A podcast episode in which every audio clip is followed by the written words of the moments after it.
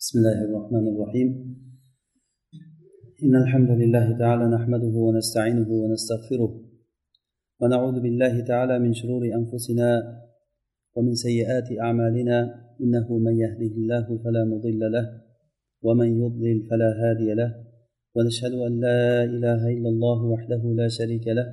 ونشهد أن محمدا عبده ورسوله صلى الله عليه وعلى آله وصحابته ومن اهتدى بهديه إلى يوم الدين وسلم اللهم تسليما كثيرا أما بعد السلام عليكم ورحمة الله وبركاته alloh subhanava taolodan madad so'rab biz qasos surasini tafsir qilishlikda davom etamiz bu surai muboraka alloh subhanava taolo tarafidan odamlarga nur bo'lib nozil bo'lgan odamlarga hidoyat bo'lishlik uchun ularga dunyoyu oxiratda ularni saodatga erishishlikka nur bo'lishlik uchun alloh taolo o'zini oyatlarini nozil qildi.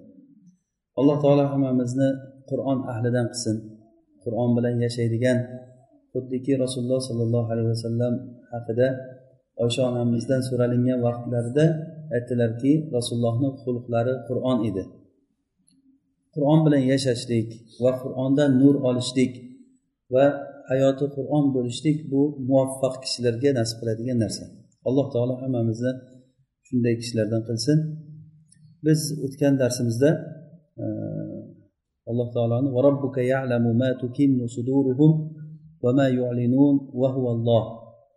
mana shu joyga kelib qolgandik. Ya'ni biz alloh taoloni ilmi haqida gapirgan edik.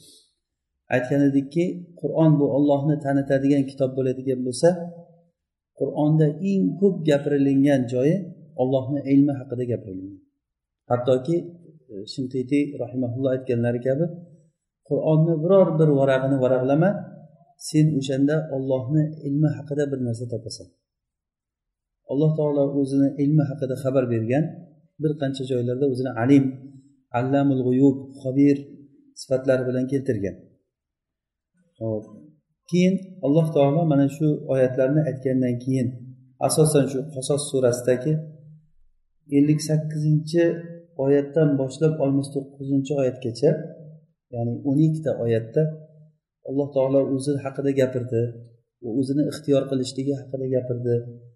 Hamma narsa ollohni ixtiyori bilan bo'lishligi haqida bunda ancha to'xtaldik biz. Va undan keyin alloh taolo o'zining ilmi haqida gapirdi. Ilmi haqida gapirdi.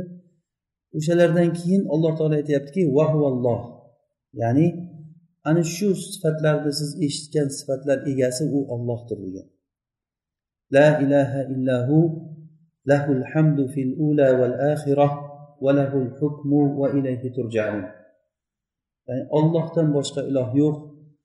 Dunyoda ham oxiratda ham hamd egasi o'zi hamd egasi o'zi hukm egasi o'zi va sizlar allohga bir kun qaytarilasizlar hammalaring alloh taolo o'zini olloh ismini o'ziga xos ism qildi. Bu ismda alloh taolo o'zining qahr sifatini ishlatdi. Hattoki insonlarni yaxshilari ham va yomonlar ham hech kim bu sifat bilan bu ism bilan ismlana olmadi. Hattoki men ilohman degan odamlar ham men ollohman deyolmadi ollohni bu ismi hattoki ulamolar aytishadiki ollohni olloh ismi ismil azom deyishadi. Ya'ni ismi azom bu shundayki agar shu bilan so'ralsa beradigan agar shu bilan duo qilsangiz duo ijobat bo'ladigan ism alloh taoloni olloh ismi. Boshqa ism sifatlari undan keyin keladi. Alloh taolo o'zini birinchi bo'lib turib xalqqa tanitganda alloh taolo o'zini kim ekanligini o'zini kitobida olloh ismi bilan boshlab tanitdi masalan alhamdulillahi robbil alamin. Birinchi oyatda lillah deganda o'sha ollohga hamd bo'lsa hamd bu ollohniki degani. Demak alloh taolo go'yoki bu oyatlarda aytib undan oldingi qancha o'zining ishlari haqida gapirgandan keyin o'zining ixtiyor qilishligi qadar haqida gapirgandan keyin ollohni ilmi haqida gapirgandan keyin alloh taolo aytyaptiki mana shu sizlar bilgan narsalar shu sifatlar egasi u olloh u. vahuvalloh la ilaha illahu ollohdan boshqa iloh yo'q. Bu ilm bu ma'rifat inson qalbiga qanchalik agar o'rnashib kirsa amal shunchalik darajada odamdan ko'karib chiqadigan bir narsa bo'ladi. Lahul hamdu fil ula val axira dunyoda ham oxiratda ham hamd allohga xosdir. Biz hamd haqida qancha to'xtalib gapirsak bu oz. Lekin ba'zi bir bu narsa juda muhim hamd haqida gapirishligimiz. Zero bizni kundalik qilayotgan kunimizdagi bizni vazifalarimiz ibodatlarimiz zikrlar mana shundan iborat. Lekin ko'pchilik kishilar ham deb allohga ham bo'lsin alhamdulillah tillarda qancha aylanadi lekin uni ma'nosi nima ekanligini tushunib yetib zikr qilinmaganligi uchun o'zini samarasini bermaydi. Bu hamd kalimasi oddiy bir kalima emas. Hattoki umar ibn hattob roziyallohu anhu sahobalardan hamd haqida so'raganlarida ali roziyallohu anhu aytdilarki bu kalimani olloh o'zi uchun ixtiyor qildi va bizga aytishlikni buyurdi degan. Boshqa bir javob berish qiyin bunga degan. Alhamdulillah deyishlik hattoki o'zining kitobini ya'ni eng ulug' kitob bo'lgan qur'onni eng birinchi surasida eng birinchi kalimani alhamdulillahi deb alhamdu bilan boshladi. Demak bu deganiki ollohni tanishlik hamd aytish bilan boshlanadi degani. Olloh kim deb so'rasa agar olloh shunday zotki hamd egasi u. U hamd egasi shunaqangi hamd egasiki o'zining rububiyatida o'zini ulug'iyatida o'zining molikligida va o'zining rahmatida o'zini boyligida butun sifatlarida hamdga loyiq zot degan hamd bu arab tilida madh kalimasi bor bu maqtov aytish degani. Masalan bir kishini maqtamoqchi bo'lsangiz madahtuhu deb aytadi men uni maqtadim degani. Yoki unga masalan olqishlar aytayotgan bo'lsa afnaytu alayhi deb aytilinadi unga maqtov kalimasini aytishlik afnaytu alayhi deb ishlatiladi. Lekin bu madaha kalimasidan ham bu afna yoki shukur kalimasi masalan unga shukur aytishlik. Shukur qilishlik bu kishiga qilingan ehsonni evaziga bo'layotgan narsa bo'ladi. Masalan falonchiga men shukur aytdim degani shukur qildim degani bundan chiqadiki u sizga undan oldin qandaydir bir yaxshilikni qilgan o'sha yaxshiligiga siz javob qilishligingiz bu shukur bo'ladi. Lekin hamd unday emas. Masalan men maqtov hamd aytdim deganligi hamddan oldin bir yaxshilik kelgan bo'lishligi lozim emas. Alloh taologa hamd aytilinadi. Alloh taolo bizga inom qilganligi uchunmi? Inom qilganligi uchun ham va agar inom qilmagan bo'lsa ham alloh taolo o'zining barcha ism sifatlarida hamdga loyiq degani. U inom qilgan bo'lsin inom qilmagan bo'lsin uni farqi yo'q. Mana shu e'tibor bilan hamd kalimasi o'sha sanodan ham shukurdan ham umumiy bir kalima bo'ladi. Va yana alloh taoloni hamd aytgan kishiga masalan hamida fe'li arab tilida ism foil ya'ni shu fe'lni bajargan kishiga hamid deyiladi ya'ni hamd aytuvchi degani. Ko'p hamd aytgan odamni hammad deyiladi ya'ni ko'p hamd aytuvchi degani. Lekin bu sifat bilan maqtalingan kishini mahmud deb atalinadi lug'at arab tilida lekin alloh taoloni mahmud degan sifati yo'q. Alloh taoloni hamid degan sifati bor. O'zini mahmud deb ismlamadi hamid deb ismladi ismladi. Nega? Chunki mahmud degan paytda uni kimdir hamd aytgan bo'lishi kerak allohga. Ammo hamid desak agar hamd aytuvchisi bo'lishligi shart emas. Hamd aytasizmi aytmaysizmi koinotda hech kim hamd aytmasin. Alloh taolo xalqni yaratishdan oldin hech kim yo'q edi. Maloikalarmi yo'q bir payt bo'lgan. O'sha paytda ham alloh taolo hamid edi. Agarchi birorta bir jon narsa agar allohga hamd aytmasa ham u zot hamdga loyiq zot degan. Va yana alloh taoloni hamid ismi ba'zi joylarda hamid kelsa shu ma'noni beradi. Ya'ni hamid degani maqtovga loyiq zot degani agarchi uni hech kim maqtamasa ham. Va shunday shunchalik maqtovga loyiqki komil darajada maqtovga loyiq zot degani. Birinchi sifatida alloh taolo o'zini alhamdulillah deb boshlaganligi butun maqtov ollohniki ya'ni bu degani ollohni qaysi sifati? Robbul alamin sifati bilan kelyapti. Rob alloh taolo robbilikda maqtovga loyiq zot degani masalan bir odam masalan e, turmush qursa u kishi er bo'ladi bir, bir ayol kishi xotin bo'ladi. Lekin o'sha odam o'zini erkaklik vojibini bajarishlikda maqtovga loyiqmi yo'qmi? Kimdir o'zini vazifasini qiladi kimdir qilmaydi. Yoki kimdir qilsa noqis bajaradi. Qo'shni bo'lgan paytda qo'shni bo'lib turib o'zini qo'shnisiga qo'shnichilik haqini qila olib o'sha odam maqtovga loyiq qo'shni bo'lyaptimi yo'qmi? Men buni faqat tushuntirish uchun aytyapman. Ya'ni har qanday sifatni olib ko'ring o'sha sifatda odam maqtovlik bir ishni qilyaptimi yo'qmi? Masalan muallim. O'sha odam maqtovlik muallimmi? Yoki masalan madrasada tolib o'sha odam maqtovlik tolibmi? O'zini vazifasini shu talaba ilm ishini qoyillatib bajaryaptimi? Tijoratchi o'zini tijoratini qoyillatib shu ishni qilyaptimi? Masjid imomi o'zini imomatini muazzin o'zini muazzinligini va hokazo. Mana shu ishlarni to'liq yaxshi bajargan odamni masalan shu sifatda maqtovlik deb aytasiz. Alloh subhanahu va taolo o'zini robbul alaminlikda hamdga loyiq zot dedi. Robbul alamin ya'ni olamlarni robbisi butun ularni yaratgan ularga rizq bergan ularni tadbir qilib butun ishlarini bajarib turgan har kuni insonlarga kerakli narsalarni berib turadigan ularni har kuni har soatda har minutda har daqiqada insonlarni holatini o'zi boshqarib turgan holatda ana shu paytda alloh taolo hamdga loyiq ya'ni kamol tamomiy komil ravishda shu ishlarni bajaryapti degan ya'ni bu sifatda alloh taolo robbul alamin sifatida ollohga teng keladigan hech narsa yo'q.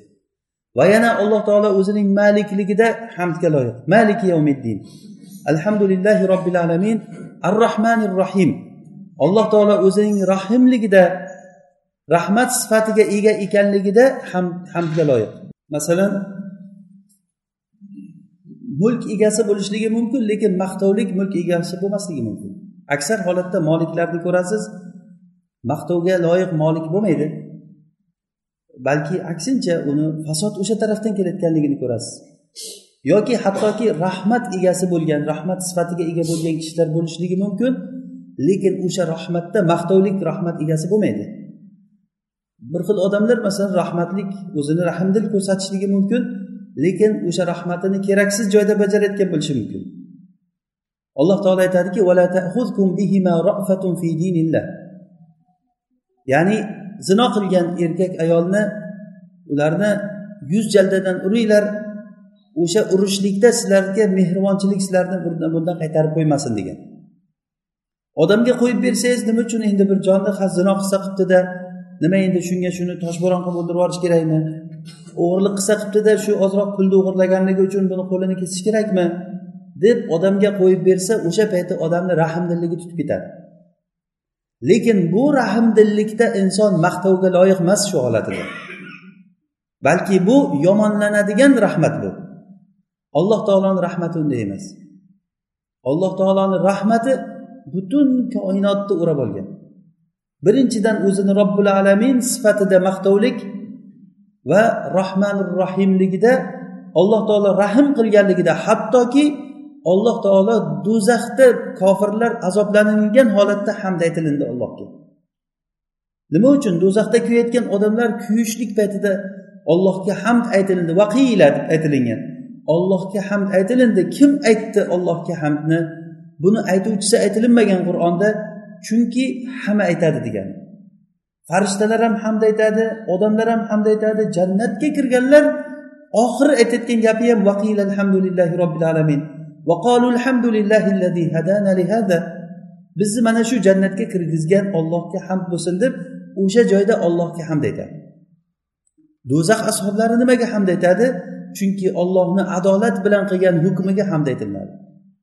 Alloh taolo tamomiy tamomiy darajada o'zini adolati bilan ularga mana shu azobni beryapti uni ular his qiladi o'sha narsani bilgandan keyin hamma odam alloh taologa hamd aytadi وترى الملائكة حافين من حول العرش يسبحون بحمد ربهم وقضي بينهم بالحق وقيل الحمد لله رب العالمين maloikalarni ko'rasizki butun atrofdan qanotlarini yozgan holatda ya'ni butun atrofdan arshni o'rab turganligini ko'rasiz Ular yusabbihuna bihamdi robbihim.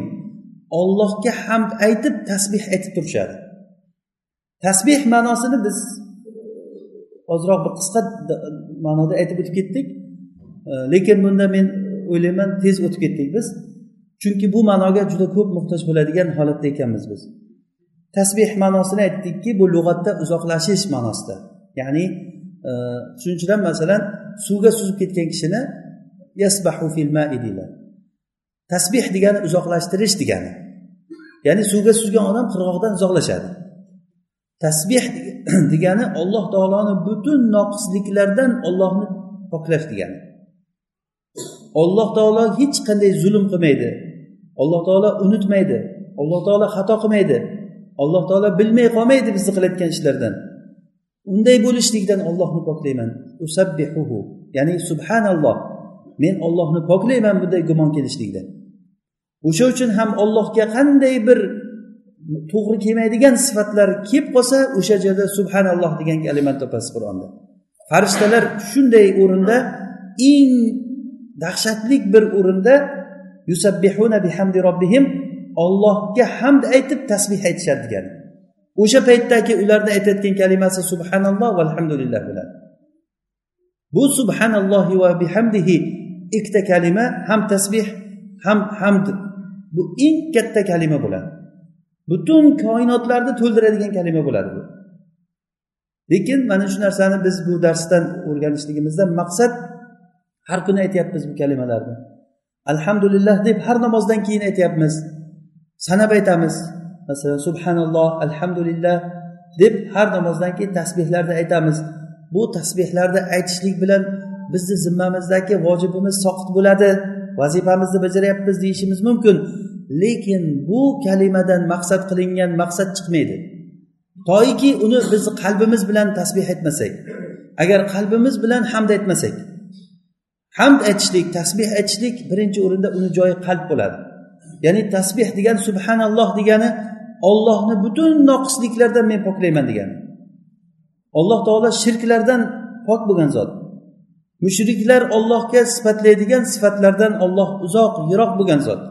Noqislikdan yiroq va ollohga hamd aytaman deganligi alloh taolo butun qilgan ishlarida hammasida maqtovga loyiq zot degani robbul alamin ekanligida maqtovga loyiq ar rohmanir rohim rahmat qilishlikda alloh taolo maqtovga loyiq ollohni rahmati tamomiy komil darajada maqtovlik va maliki yavmiddin qiyomat kunini egasi bo'lib turgan paytida qiyomat kunida tarozilar qo'yilingan paytda odamlarga hisob kitob bo'ladigan paytda bir zarra misqolichalik ham bir narsa bo'lsa taroziga olib kelib qo'yiladigan bir kunda mana shu kunda alloh taolo malik bo'ladi. Qiyomat kunini podshosi olloh bo'ladi va o'sha o'zini molikligida alloh taolo maqtovlik molik bo'ladi. Ya'ni u yerda hech kimga zulm qilmaydi va hech bir narsani unutib qoldirmaydi. Hech bir narsa e'tibordan tashqarida e mana qolib ketibdi degan narsa bo'lmaydi va ollohni komil rahmatini o'sha kunda ko'riladi ollohni haqiqiy molik ekanligini o'sha kunda ko'riladi. O'sha uchun ham alloh taoloni xoslab maliki yavmiddin qiyomat kunini egasi deyildi. Zero o'zi alloh taolo butun dunyoni hozir ham egasiku. Kim ollohdan boshqa molik kim bor? Ollohdan boshqa bir ish qiladigan kim bor? Hech kim hech narsa emas. Hamma muhtoj ollohga men zo'rman degan muttahamlar ham o'z ichi ichidan biladiki ular muhtoj ekanligini. Alloh taolo bu dunyoda odamlarga qaysi bir jihatdan ixtiyor berib qo'yganligi uchun bu dunyo imtihon bo'lganligi uchun ko'p odam bu narsani payqamaydi. Lekin mo'min kishilar bu narsani bildi va mana shu narsani iymon keltirib tan olishdi. Biz bu tasbehni hamdni takror takror aytaveramiz aytaveramiz. Toki bu takror aytishlikda alloh taolo maqsad qilgan narsa ro'yobga chiqishligi uchun. Alhamdulillahi robbil alamin deganda bizni xayolimizga kelishi kerakki alloh taolo robbil alamin bo'lgan paytda o'zi robbil alamin hamdni egasi ya'ni maqtovga loyiq zot degani. Biror bir kamchiligi yo'q. Komil darajada hamdga loyiq zot. Rohmanir rohim bo'lgan holatida hamdga loyiq zot alloh taolo ba'zan o'zini sifatlarini yolg'iz holatda keltiradi va ba'zan ikkita sifatni bir biriga qo'shib keltiradi. Xuddi shunday masalan e, hozir biz ollohni hamid sifatini haqida gapirsak agar hamid degani alloh taolo maqtovga loyiq zot degani. Agarchi uni maqtovchisi bo'lmasa ham agar maqtov hech kim maqtamay qo'ysa ham maqtovchisi loyiq maqtovchisi bo'lmasa ham maqtovga loyiq zot degani. Va ba'zi o'rinlarda ikkita sifatni qo'shib masalan hamidun majid keladi masalan. Yoki g'oniyun hamid valiyun hamid o'sha g'oniy sifati bilan qo'shilib keladi. Lekin ana shu qo'shilgan paytda o'ziga yarasha bir ma'no kasb qiladi bu. Ziyoda bir ma'no bo'ladi. Masalan g'oniyun hamid degani alloh taolo maqtovga loyiq boy zot degani. Ya'ni bu degani boyligida alloh taolo maqtalingan zot degani. Masalan boylik egalarini ko'rasiz maqtovlik boy bo'lmaydi. Balki aksincha qancha fasod ishlar yomonlik ishlar odamni boyligidan keyin zohir bo'ladi.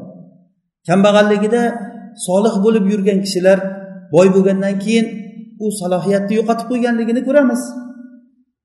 Lekin olloh subhanahu va taolo boy zot boyligi mutlaq boylik birovdan kasb qilgan boylik emas. Alloh taolo farishtalarga muhtoj emas. Alloh taolo arshga muhtoj emas. Hech bir narsaga olloh muhtoj emas. Va o'sha muhtoj emas bo'lgan holatda alloh taolo behojat bo'lgan holatida hamdga loyiq bo'lgan zot. Ollohni ishlarini biz o'rganar ekanmiz. Alloh taolo o'zining qiladigan ishlarida hamdga loyiq. Alloh taolo o'zining sifatlarida hamdga loyiq. Alloh taoloni qiladigan ishlari xoh kavniy bo'lsin xoh shar'iy ishlar bo'lsin ikkalasida ham alloh taolo hamdga loyiq. Masalan an'am surasini boshida alloh taolo aytadiki alhamdulillahi samavati val arda va ja'ala zulumati wan nur. Osmonlar va yerni yaratgan zulumot va nurni yaratgan ollohga ham bo'lsin degan. Osmonlar va yerni yaratishlik zulumot va nurni yaratishlik bu alloh taoloni kavniy ishlari deyiladi. Bunda hech kim sherikchilikni davo qilolmaydi allohga. Hech bir odam men shunda sherikman deyolmaydi. Osmonlarni yaratishlikda koinotni yaratishlikda yerni yaratishlikda zulumot va nurni yaratishlikda hattoki men robbiman degan fir'avnlar ham masalan e, ibrohim alayhissalom bilan bahs qilgan paytlarida ham oldiga borib turib qani alloh taolo quyoshni mashriq tomondan chiqaradi sen mag'rib tomondan chiqarchi degan paytda kafar. Bu kofir o'sha paytda jim bo'lib qolgan. Qani chiqarsinchi quyoshni bu tomondan keltirsinchi? Hech kim buni davo qilmagan. Bu holatni hamma tan olgan mulhid bo'lgan ollohni tan olmagan aqlsizlarni biz gapirmaymiz. Lekin ollohni tan olgan aksar kishilar ollohni bu ishlarni qilganligida yolg'iz ekanligini biladi. Alloh taolo mana shu sifatlarida maqtovlik zot shu ishlarida maqtovlik zot. Alhamdulillahi bu osmonlar va yerni yaratgan olloh hamdga loyiq zot degani yana shu yaratishlikda hech kim aytolmaydiki mana bu joyini bunday qilib qo'yibdi buni. Osmonni buyoqroqqa qilsa bo'lar edi yerni sal kengroq qilsa bo'lar edi suvni sal ozroq qilsa bo'lardi yo mana buni bunday tog'larni sal bir ikki metr balandroq qilib yuborsa bo'lardi deb hech kim aytolmaydi. Ko'ring osmonda yuring yerda sayr qiling dengizga tushing toqqa chiqing o'rmonga kiring. Ollohni xalqini ko'rgan paytingizda alhamdulillah deyishdan boshqa narsaga o'tmaysiz. Olloh yaratgan payt buni biz qancha narsalarni bilmaymiz biz. Bilmagan narsamiz qancha bizni o'zi bilgan ba'zi bir narsalarni bilamiz biz. Agar siz tabiat ilmini o'rganadigan bo'lsak dengiz ilmini o'rganadigan bo'lsak undagi baliqlarni turi bilan oling. Osmonga endi gapirmang osmon ilmini. Qancha qancha e, galaktikalar bor qancha yulduzlar planetalar bu narsalarni yaratishlikda olloh subhanahu va taolo hammasida o'zi hamd egasi.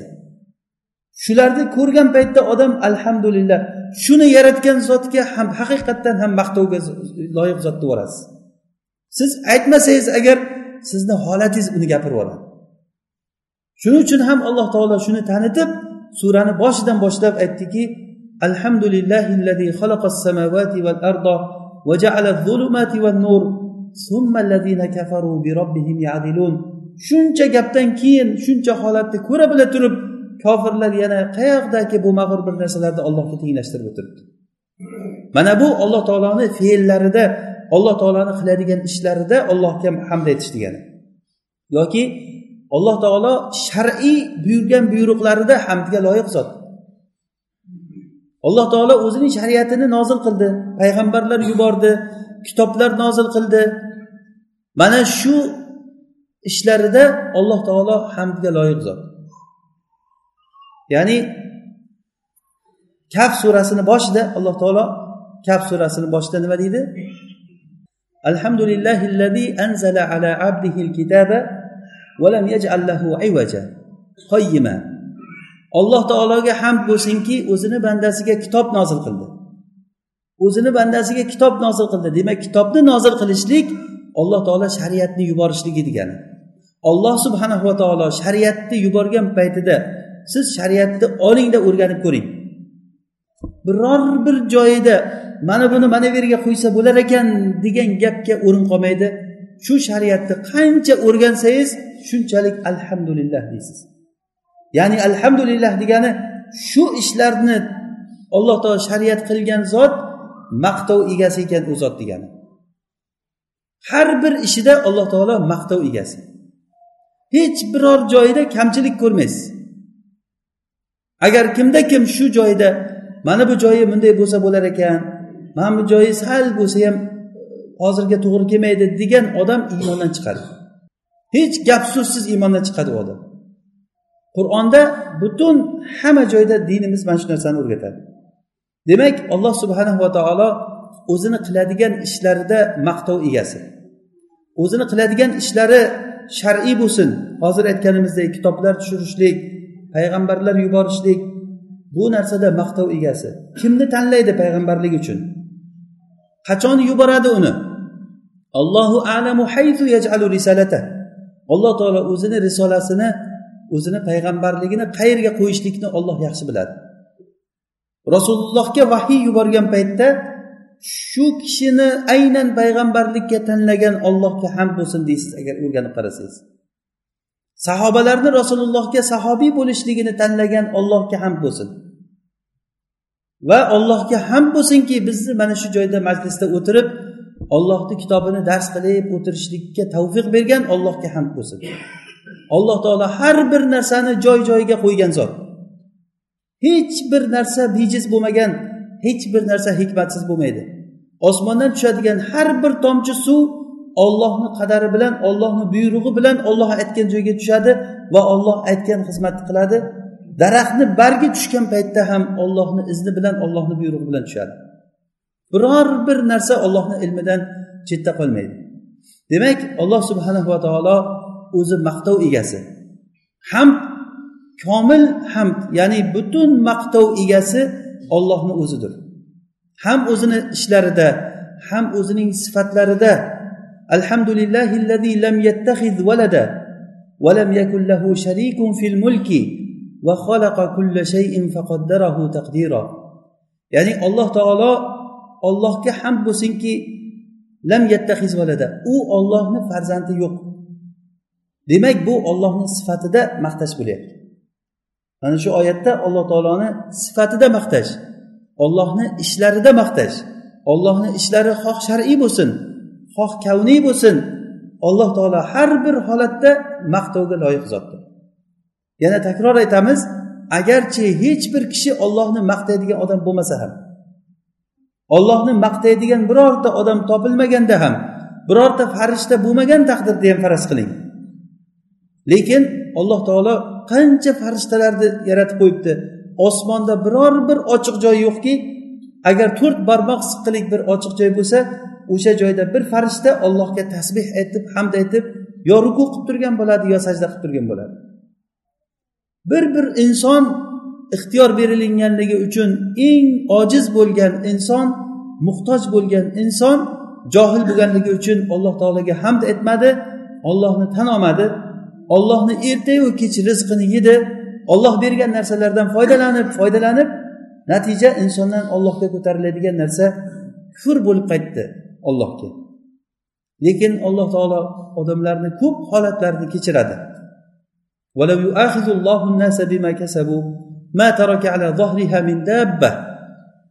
Alloh taolo agar odamlarni qilgan ishlari bilan ushlab qo'yganda edi bu yer yuzida biror bir jonzotni yurishligi qolmasdi hech kim qolmasdi. Lekin alloh taolo ularni ma'lum bir belgilangan vaqtgacha ularga muddat beradi. Yoki boshqa oyatda vayafu an kathir. Ya'ni ko'p narsalarni alloh taolo haliyam kechirib yuboradi. Olloh kechiradi olloh afu qilgan zot. Olloh shu afu qilib kechirishligida olloh hamdga loyiq zot.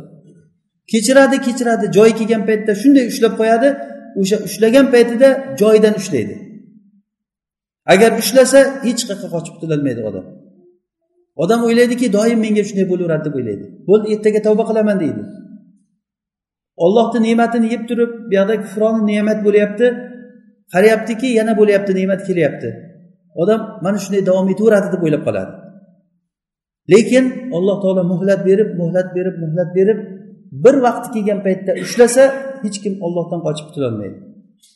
Biz mana shu kalimani ya'ni hamdni tasbeh bu hamd aytishlik bu ma'noni qancha ko'p takror aytsak qancha tushunib aytsak o'shanda bizga bu o'zini samarasini beradi o'sha uchun e, men ba'zi bir hadislarni shu hamdga tegishli bo'lgan hadislar va asarlarni yozib keldim e, shu hadislar orqali biz hamdni qanday o'rinlarda aytishlik va uni ma'nosini tushunishlikka yana ham bizga bu narsa oydinlashadi في صحيح مسلم عن سمرة بن جندب رضي الله عنه قال قال رسول الله صلى الله عليه وسلم أحب الكلام إلى الله أربع سبحان الله والحمد لله ولا إله إلا الله والله أكبر samurat ibn jundub roziyallohu anhu rivoyat qiladilar rasululloh sollallohu alayhi vasallamdan rasululloh sollallohu alayhi vasallam aytdilarki ollohga eng yaxshi eng sevimli bo'lgan kalima to'rttadir alhamdulillah birinchisi yoki subhanalloh alhamdulillah va la ilaha illalloh allohu akbar Keyin rasululloh aytdilarki qaysidan boshlasang ham uni zarari yo'q deganlar. Xohla subhanallohdan boshla xohla alhamdulillahdan boshla xohla allohu akbardan boshla xohla la ilaha illallohdan boshla. Lekin ba'zi bir asarlarda kelgan la ilaha illallohni e, bu kalimani juda ham og'ir katta kalima ekanligi ba'zi bir e, hadislarda kelgan bo'lsa ham lekin mana shu muslim rivoyat qilgan hadisda to'rtta kalima bu ollohga eng suyukli kalima bo'ladi. Biz ollohni yaxshi ko'ramiz hammamiz. Agarda yaxshi ko'rishligimiz chin bo'lsa yaxshi ko'rgan kishi yaxshi ko'rilinganni yaxshi ko'rgan narsasini yaxshi ko'radi. Ya'ni ollohni yaxshi ko'ramizmi? Olloh yaxshi ko'rgan narsani ollohga suyukli bo'lgan narsani biz ham yaxshi ko'rishimiz kerak. Shu kalima ya'ni subhanalloh. Subhanalloh degani ollohni butun noqisliklardan poklayman degani. Butun noqisliklardan. Hattoki odam haligi qiyinchilik paytiga tushib qolgan paytlarida ham masalan yunus alayhissalom baliqni qorniga tushib qoldilar. Baliqni qorniga tushib qolgan payti tasbeh aytdilar baliqni qorniga tushdi u kishini hikoyasini biz oldin ham aytgan edik. Ya'ni payg'ambar bo'lib u kishi da'vat qilib turgan o'rinlarida odamlar u kishiga ergashmadi iymon keltirmadi. Bu kishi keyin qavmini tark qilib turib chiqib ketdilar. Alloh taolo u kishiga chiqib ketishligini buyurmasdan turib chiqib ketdilar. Shunda alloh taolo u kishini taqdir qildiki baliqni qorniga tushishligini ya'ni qissa uzun muhim u kishi baliqni qorniga shu dengizga tushgan paytda bir baliq yutib ketdi u kishi. Baliqni qornida o'sha zulumotda turgan o'zi dengizni ichi zulumot. Ya'ni baliqni qorni yana ham zulumot.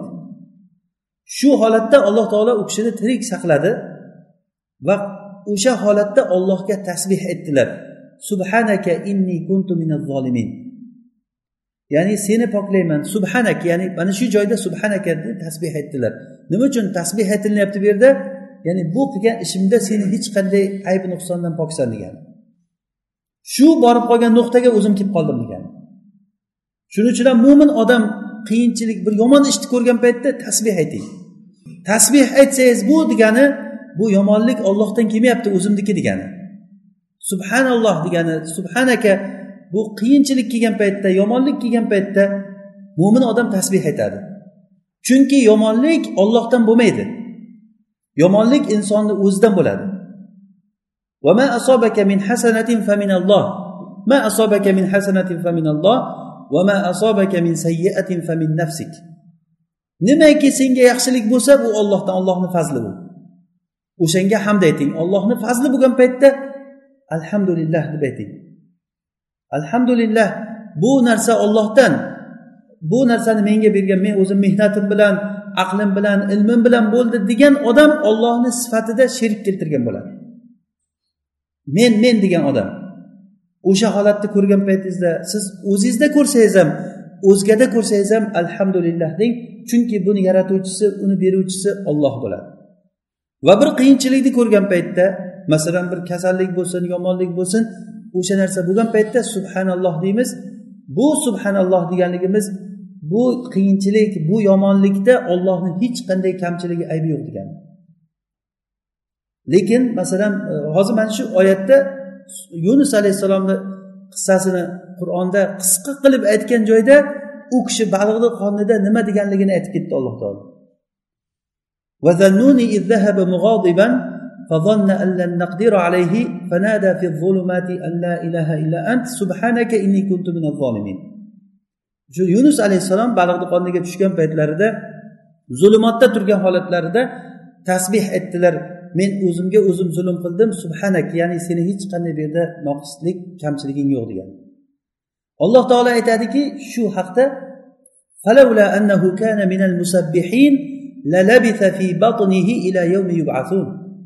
agar u tasbeh aytmaganda edi qiyomat kunigacha shu baloni qornida qolib ketardi tasbih demak ulamolar mana shu oyatdan kelib chiqib aytishadiki kim agar bir tanglik joyga kirib qolsa tasbeh aytsin degan. La ilaha illa anta subhanaka inni kuntu minaz zolimin. Mana shu oyatni duo qilib turib aytgan odamlarda biz tarixiy misollardan eshitganmizki shunday bir tor holatga tang holatga tushib qolgan kishi shu tasbehni aytgan paytda qutulib ketganligi kelgan. Bir qancha o'rinlarda alloh taolo o'shanga najot berganligi. Bu kalima odamga najot berishlikka sabab bo'ladigan kalima. La ilaha illa anta subhanaka inni kuntu minaz zolimin. Ya'ni ba'zi tafsirlarda falawla annahu kana minal musabbihin. Ya'ni u bundan oldin agar ko'p yaxshi ishlari tasbehlari bo'lmaganda edi u qonida qolib ketar edi deb ham tafsir qilingan. Ya'ni kishini yaxshiliklari qiyinchilikka tushib qolgan paytda oldingi yaxshiliklari foyda berishligiga keladi bu. Xuddiki haligi g'orga tushib qolgan uch kishida g'orni tosh tosh qoplab qolgan paytda o'sha tosh ochildi ularni qilgan yaxshi amallari bilan bitta amali bilan. Bo'lmasa u payg'ambarda qancha amallar bo'lgan. Demak mana shunday qiyinchiliklar bo'lgan paytda tasbeh aytishlik. O'zi olloh subhanahu va taolo yomonlikni yaratmaydi. Biz aytdikki olloh taolo yomonlikdan yiroq bo'lgan zot. Subhanalloh degani nima degani? Ollohni hech qanday noqisligi yo'q kamchiligi yo'q degani. Lekin biz ba'zi bir narsalarni ko'ramizki yomonlik ekanligini masalan kofirlarni borligi yaxshilikmi yomonlikmi? Shayton yaxshilikmi yomonlikmi? Kasalliklar masalan musibatlar yaxshilikmi yomonlikmi shu narsalar? Bu narsalar albatta bir yomonlik bo'lgan narsalar. Lekin bu yomonlikni biz bilishimiz kerakki alloh taolo sof yomonlikni yaratmaydi. Olloh bir yomonlikni yaratadi o'sha yomonlikni orqasida bir hikmat katta bir yaxshilik bo'ladi o'sha yaxshiligiga hamd aytilinadi. O'sha uchun ham bir kuni kelgan paytda kofirlarni borligiga hamd aytasiz. O'shalar borligi uchun odamlar toatga qarab intiladi. O'shalar borligi uchun qancha solih amallar vujudga keladi imtihon vujudga keladi mo'minlarni darajasi ko'tariladi shahidlar vujudga keladi. Agar ular bo'lmaganda shahid qayerda bo'ladi? Eng oliy e, martaba bo'lgan masalan shahidni holati. O'sha holatlar qayerdan kelardi agar shular bo'lmaganda? Yoki iblis masalan yomonlikni manbasi bo'lgan iblis bu iblisni borligi yaxshimi yomonmi? Bir qaraganda yomon ko'rinadi lekin uni borligi uchun ham qancha mo'minlarni iymoni imtihon qilinadi qancha odamlarni darajasi ko'tariladi. Qaraganimizda demak o'sha iblisni yaratgan ollohga ham bo'lsin deyiladi. Kofirlarni yaratgan ollohga ham bo'lsin. Kasallik yomonlik bo'lib ko'rinadi lekin oqibatida nima bo'ladi? Oqibatida qancha yaxshilik kelib chiqadi buni orqasidan. Mana bunda alloh taolo hamd egasi maqtaniladi. Buxoriy va muslim rivoyat qilgan hadisda abu said al hudriy roziyallohu anhu rivoyat qilib aytadilar rasululloh sollallohu alayhi vasallam aytdilar agar sizlarni bittalaring yaxshi ko'radigan bir tush ko'rsa u tush ollohdan bo'ladi va shu tushni boshqa odamlarga aytib bersin. O'shanda alayha o'sha tush ko'rganligi uchun ollohga hamd aytsinda keyin uni boshqalarga aytib bersin. Agarda yomon ko'radigan tush ko'rsa bu shaytondan bo'ladi bundan panoh tilasinda buni hech kimga aytmasin bu zarar qilmaydi dedilar. Bu buxoriy va muslim rivoyat qilgan muttafaqun alayhi bo'lgan hadis. Ya'ni mo'min kishini holati bundan xoli bo'lmaydi albatta har kuni uxlaganda yo yaxshi tush ko'rishingiz mumkin yo yomon tush ko'rishingiz mumkin o'sha holatda hatto tush ko'rgan paytimizda ham allohga hamd aytishlikni rasululloh sollallohu alayhi vasallam bizga o'rgatyaptilar إذا رأى أحدكم رؤيا يحبها فإنما هي من الله فليحمد الله عليها فليحمد الله عليها وليحدث بها الحديث يعني ya'ni ollohga hamd aytsin va shu tushini boshqalarga aytib bersin degan حديث أبي موسى الأشعري رضي الله عنه قال قال رسول الله صلى الله عليه وسلم إذا مات ولد ولد العبد قال الله لملائكته قبضتم ولد عبدي فيقولون نعم. فيقول قبضتم ثمرة فؤاده؟ فيقولون نعم. فيقول ماذا قال عبدي؟ فيقولون حمدك واسترجعك. فيقول الله ابنوا لعبدي بيتا في الجنة وسموه بيت الحمد. Ya'ni agarda agar mo'min agar bir bandani farzandi dunyodan o'tadigan bo'lsa alloh taolo maloikalarga aytar ekanki sizlar meni bandamni farzandini jonini oldilaringmi deb so'rar ekan. Ular ha deyishar ekan. Shunda uni qalbini samarasini eng ya'ni unga sevimli bo'lgan narsani jonini oldilaringmi deganda ha derishar deyishar ekan. Shunda bandam nima dedi? Deganda aytishar ekanki senga hamd aytdi va inna lillahi va inna ilayhi rojiun deb aytdi. Ya'ni hamidaka vastarjaak senga hamd aytdi va la inna lillahi va inna ilayhi rojiun deb aytdi deyishar ekan. O'shanda alloh taolo aytar ekanki meni bandam uchun jannatda bir uy quringlar va shu uyni otini ismini baytul hamd deb ismlanglar der ekan. Ya'ni kimniki agar bir farzandi dunyodan o'tadigan bo'lsa ollohga hamd aytsa va inna lillahi va inna ilayhi rojiun desa demak ollohga hamd aytishlik bu nimaga sabab bo'lyapti? Jannatda bir uy qurilishlikka sabab bo'lyapti. O'zi farzandni bergan olloh farzandni olgan olloh yana ne'matni ustiga ne'mat qilib turib jannatda bir uy quringlar va o'sha uyni ismini baytul hamd deb ya'ni maqtov uyi deb hamd uyi deb ismlaylar degan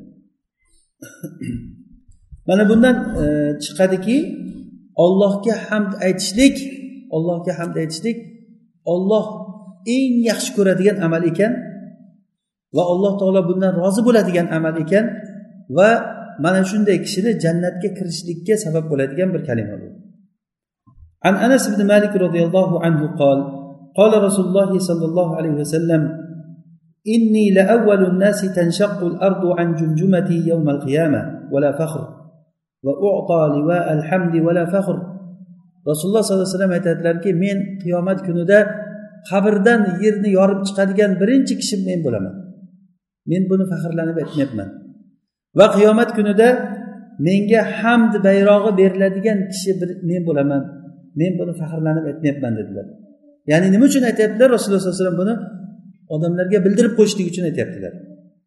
Men buni faxrlanishlik uchun aytmayapman. Va men odamlarni qiyomat kuni eng sayyidi bo'laman. Men buni faxrlanishlik uchun aytmayapman. Va qiyomat kunida eng birinchi jannatga kiradigan kishi men bo'laman. Men buni faxrlanishlik uchun aytmayapman dedilar. Ya'ni shu yerda rasululloh sollallohu alayhi vasallam aytganlari menga men qiyomat kunida libaul hamd ya'ni hamd bayrog'i meni qo'limda bo'ladi degan. Ya'ni hamd shunchalik bir katta bir kalima ekanki bundan bayroq qilinadi. Va mana shu bayroq eng sayyidi valadi adam bo'lgan odam farzandini eng sayyidi bo'lgan eng birinchi yerdan yorilib chiqadigan va odam farzandlarini eng sayyidi bo'lgan rasulullohni qo'liga tutqiziladi shu narsa. Bu demak o'z uz o'zidan hamd kalimasi nihoyat darajada ollohni nazdida katta bir o'rni bor bo'lgan kalima. Zotan o'zi biz oldingi hadisda e, samurani hadisida aytdik. Rasululloh sollallohu alayhi vasallam aytdilar alloh taolo uchun eng sevimli kalima to'rtta deb. Shundan biri alhamdulillah kalimasi. Ibn abbos roziyallohu anhu rivoyat qilgan hadisda bu hadisni e, imom ahmad musnadida rivoyat qilgan dimad ibn salaba roziyallohu anhuni islomga kelishlik qissasi. Bu makka holatida bo'lgan. G'iymat ibn salaba johiliyat paytida odamlarni ruqiya qiladigan kishi bo'lgan ekan. Ya'ni jin tiygan odamlarni o'qiydigan kishi bo'lgan. U kishi makkaga kelgan paytda odamlar rasulullohni majnun bo'lgan jinni bo'lgan bu degan gaplarni aytib shu bilan bir birlarini ogohlantirib yurishgan ekan. Keyin diymatga bu gaplari yetgandan keyin bu jinni bo'lgan bir odam degandan keyin rasululloh yo'liqib qolibdi unga. Rasululloh yo'liqqandan keyin u rasulullohga qarab turib agar senda bir yomonlik bo'layotgan bo'lsa men seni ruqiya qilib qo'yay o'qib qo'yaman. Men o'qigan odamlarni ko'pi ollohni izni bilan shifo topib ketgan. Agar sen majnun bo'ladigan bo'lsang kel bir ruqiya qilib o'qib qo'yayin deb o'zicha rasulullohga yaxshilik qilmoqchi bo'ldi bu odam.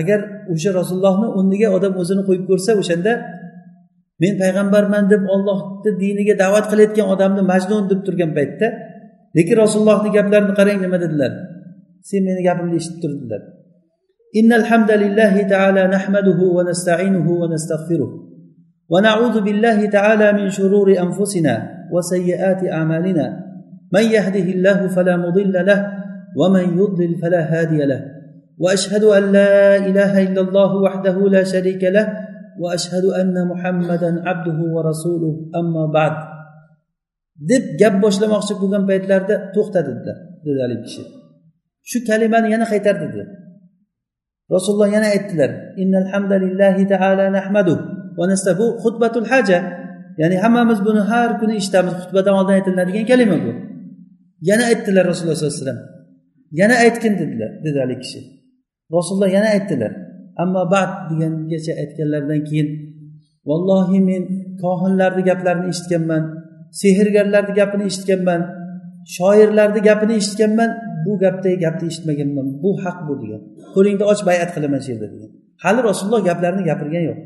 Rasulullohni u ruqiya qilmoqchi bo'lib turib o'zicha rasulullohga bir yaxshilik qilmoqchi bo'lgan holatida edi mana bu qalbi salim.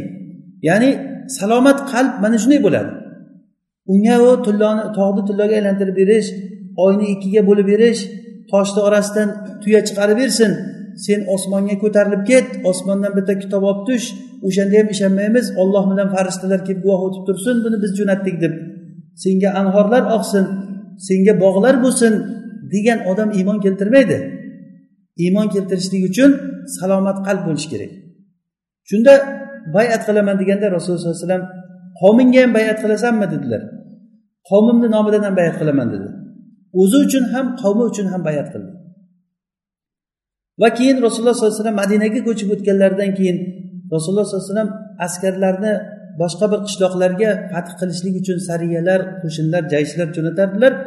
O'shanda bir sariyani jo'natgan paytlarida o'sha diymat ibn salabani qabilasini oldidan o'tishda haligi sariya degani bir e, otryad deganday bir qo'shin kichik ya'ni oz sonli bo'lgan e, rasululloh yuborgan bir kishilar bo'lgan.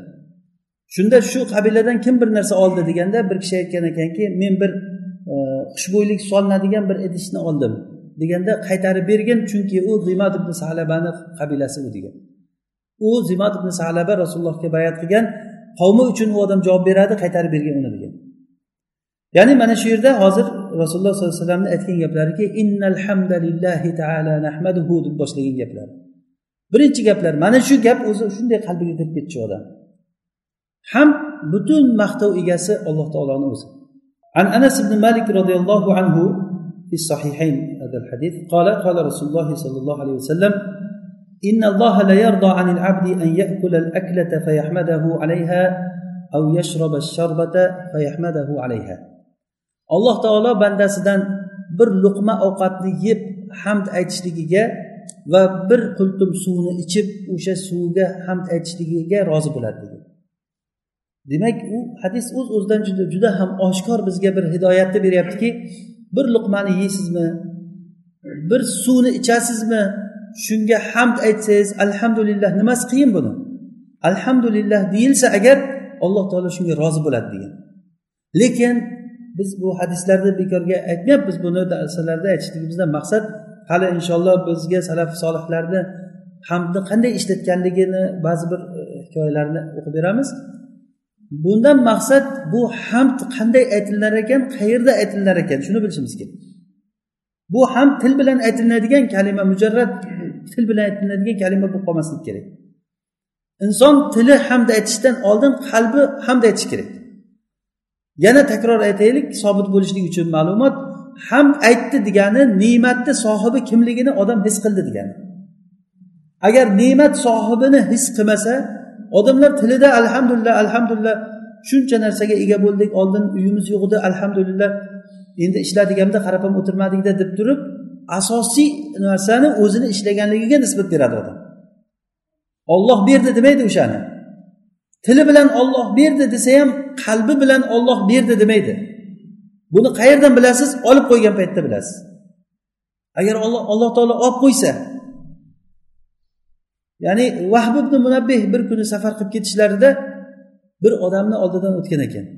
U odam mahov kasali bilan mubtalo bo'lgan odam ekan.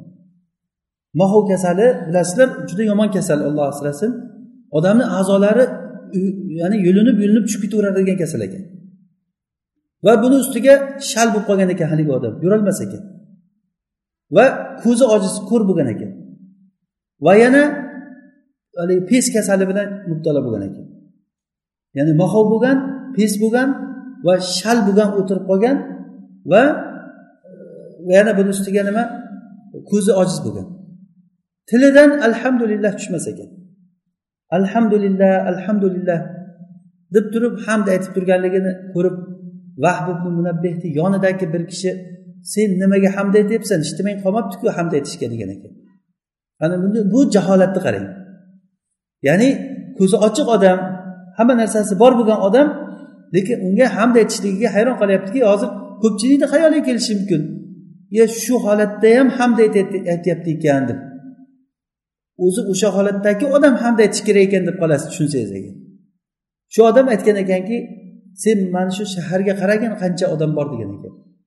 Lekin shu odamlarni ichida ollohni taniydigan qilib qo'ygan meni alloh taolo shunga hamd aytyapman degan. Men ollohni taniyman u odamlar tanimay ularni sog'ligi ularni tijorati ularni ishlari ollohni tanishlikdan to'sib qo'ygan. Alhamdulillah alloh taolo meni ko'zimni ko'r qildi shal qildi o'tirgan joyimda faqat ollohni eslayman alhamdulillah degan ekan.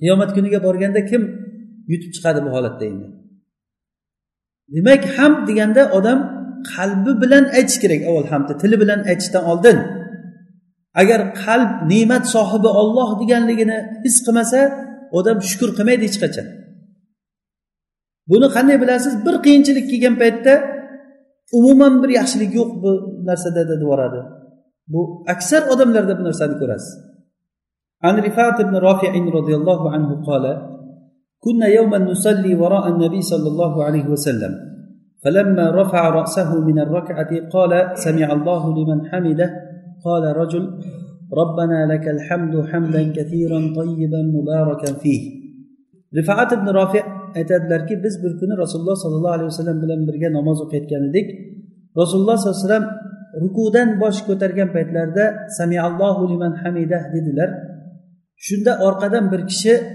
robbana lakal hamdu hamdan katiran tayyiban mubarakan fihi deb shu tasbehni aytdi. Keyin rasululloh namoz o'qib bo'lganlaridan keyin kim boya hamd aytdi meni orqamdan deb aytdilar. Haligi kishi men deb chiqqanda rasululloh aytdilarki men o'ttiz nechta farishtani qaysimiz yozamiz deb shoshilib sendan og'zingdan chiqqan kalimani yozayotganligini ko'rdim dedilar. Ya'ni bu og'izdan chiqqan kalima u kishi nima dedilar? Ollohga hamd aytdi. Allohga mana shuni yozayotganligini ko'rdim. Bu bizni ollohga hamd aytishligimiz bizni ollohga hamd aytishligimiz haligi iloji yo'q bo'lib qolgan paytda hech bo'lmasa hamd aytaylik qo'limizdan kelganini qilaylik degan qobilda bo'ladi buni otini arab tilida jahdul muqil deydi. Ya'ni qo'ldan kelgancha qilaylik degani. Aslida allohga hamd aytib oxirigacha yetkazolmaysiz. Shuning uchun ham rasululloh sollallohu alayhi vasallam aytdilarki la uhsi sanaan alayk anta kama atnayta ala nafsik. Men senga hamd aytishlikni oxiriga yetolmayman. Sen o'zing qanday maqtov hamd aytgan bo'lsang o'shandaysan degan. Ya'ni ollohni qanday ekanligini maqtov aytib aytib to'la komil hamd aytib bo'lmaydi allohga. Chunki olloh subhanahu va taoloni sifatlari shunchalik ko'pki bizga to'qson to'qqiztasini agar aytilingan bo'lsa bundan tashqari olloh bizga aytmagan ollohni sifatlari bor. Masalan ollohni qahhor sifati bor. O'sha qahri bilan alloh taolo bir shaharlarni vayron qilib yuboradi. Bir ba'zi odamlarni maymunlarga aylantirib qo'yadi. Ba'zilarini cho'chqalarga aylantirib qo'yadi. Alloh taoloni rahmat sifati rahim sifati bor. Alloh taoloni aziz sifatlari bor. Bularni o'rgandik biz. Lekin ollohni biz bilmagan sifatlari bor. O'sha sifatlariga qanday maqtov aytamiz qanday hamd aytamiz biz? O'zi olloh qanday hamd aytgan bo'lsa o'shanday hamd aytamiz. Ya'ni ollohni ne'matlarini hech kim sanab bitib bo'lmaydi. Hasanul basriy rahimaulloh namozlarida kechqurundan ertalabgacha bo'lgan namozlarida faqatgina va in la tuhsuha oyatini takrorlaverdilar takrorlab ertalabgacha shuni takrorladilar. Ya'ni ma'nosi ollohni ne'matlarini sanasalaring hech qachon buni hisob kitob qila olmaysizlar deb. Shunda hasan basriydan so'raldiki ey imom bitta shu oyatni nega bunchalik qaytardingiz? deganda aytgan ekanlarki biz ko'zimizni yumib ochsak ollohni ne'matiga ko'zimiz tushadi degan. Ko'zimizni yumib ochsak ollohni ne'matiga ko'zimiz tushadi. Mana shu ne'matlarni agar hali biz bilmaganimiz qancha? degan. Hozir nimaga qarang ollohni ne'matini ko'rasiz? Alhamdulillah shu o'tirishligimizga. Alhamdulillah tinchlik ne'matiga. Alhamdulillah sog'lik. Mana shu yerga yurib keldik hammamiz. Agar olloh yana sog'lik bermasa tinchlik bermasa yurib ketolmaydi odam. Buni oyog'idan ajralgan odamlar biladi buni aql ne'matini aytmaysizmi? Iymon ne'matini aytmaysizmi? Ilm ne'mati. Yori birodarlarni bu bir birimizga bo'lgan muhabbat bularni ne'mati ollohni dinini ne'mati bu narsalarni odam sanab hisobiga yetib bo'lmaydi. Shuning uchun ham biz qo'limizdan kelgancha qilamiz bu narsani. Qo'limizdan kelgancha qilamiz. Ba'zi bir kishilar e, bakr ibn abdullah rahimaulloh aytadilar bakr ibn abdullah bu kishi ilmda nihoyat darajada mashhur kishi bo'lgan.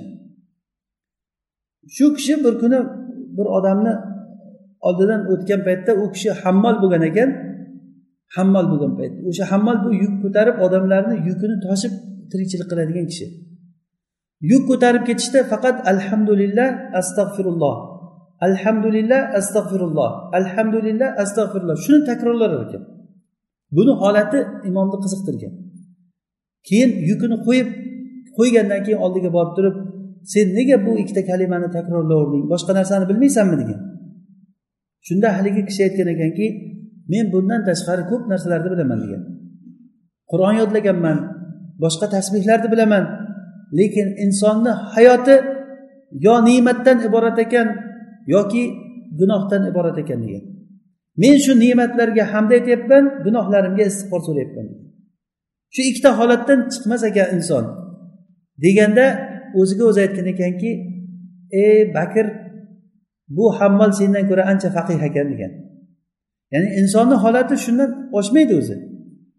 Biz qanchalik hamd aytaylik oxiriga yetib bo'lmaydi lekin oxiriga yetib bo'lmaydigan narsani tashlab yuborish kerak degani emas bu. O'shanga harakat qilish kerak. Biz buni aytgan paytlarimizda ichimizdan sezib aytishimiz kerak shu narsani. His qilib aytish kerak. Alhamdulillah deganda nima deyapman men? Butun komillik egasi butun ne'mat sohibi olloh degani. shuning uchun ham alloh taolo o'zining eng ulug' kitobini eng ulug' surada eng boshini alhamdulillahi robbil alamin deb hamd kalimasi bilan boshladi عن عبد الله بن غنم رضي الله عنه قال قال رسول الله صلى الله عليه وسلم من قال حين يصبح اللهم ما أصبح بي من نعمة فمنك وحدك لا شريك لك فلك الحمد ولك الشكر لقد أدى شكر يومه rasululloh sollallohu alayhi vasallam aytdilarki kim erta bilan tong otgan paytda ey ollohim mendagi har bir ne'matlar hech sheriksiz faqat seni o'zingdandir. Senga hamd bo'lsin senga shukur bo'lsin deb aytsa shu kunni shukrini ado qilgan bo'ladi dedilar. Va kech kirgan paytda ham shu kalimani o'zini aytsa o'sha kechasini shukrini ado qilgan bo'ladi demak rasululloh sollallohu alayhi vasallamni hidoyatlari hozir biz har xil holatlardan keltiryapmiz. Ovqat yeyishdagi holati e, hozir bu yerda uxlash paytidagi holati uyqudan turish paytidagi holatlari hamma holatlarda alhamdulillah bilan yotib alhamdulillah bilan turishlik. Demak bizni bizdan ollohga qaytadigan narsa hamd bo'lishi kerak degan. O'sha uchun ham alloh alam mana shu eng zikrni kattasi bo'lgan namozda fotiha surasini o'qishlik har rakatda alloh taolo buni aytib qo'yibdi. Alhamdulillahi robbil alamin. Qancha aytsang ayting buni. Namozdan keyin ham o'ttiz uch marta alhamdulillah deyishlik. Samiallohu liman hamidasa robbana va lakal hamd deyishlik. Lakal hamd. Ya'ni bu takror kelganligi nima uchun? Takror bo'lavergan sari mo'minni qalbida bu narsa joy olaveradi. Buni takror takror gapiraveramiz takror aytaveramiz. toki bu narsa bizga sobit bir ma'lumot bo'lib o'zini samarasini berguncha alloh subhanava taolo hammamizga foydali ilmni o'rgatsin o'rgangan ilmlarimizdan alloh taolo foydalantirsin inshaalloh bu kelgusi darsda yana e, hadislarimizni davomi qoldi buni davom ettiramiz alloh taolo hammamizga mana shu tasbehlarni haqiqiy olloh xohlaganday aytishlikni o'zi nasib qilsin سبحانك اللهم وبحمدك نشهد أن لا إله إلا أنت نستغفرك ونتوب إليك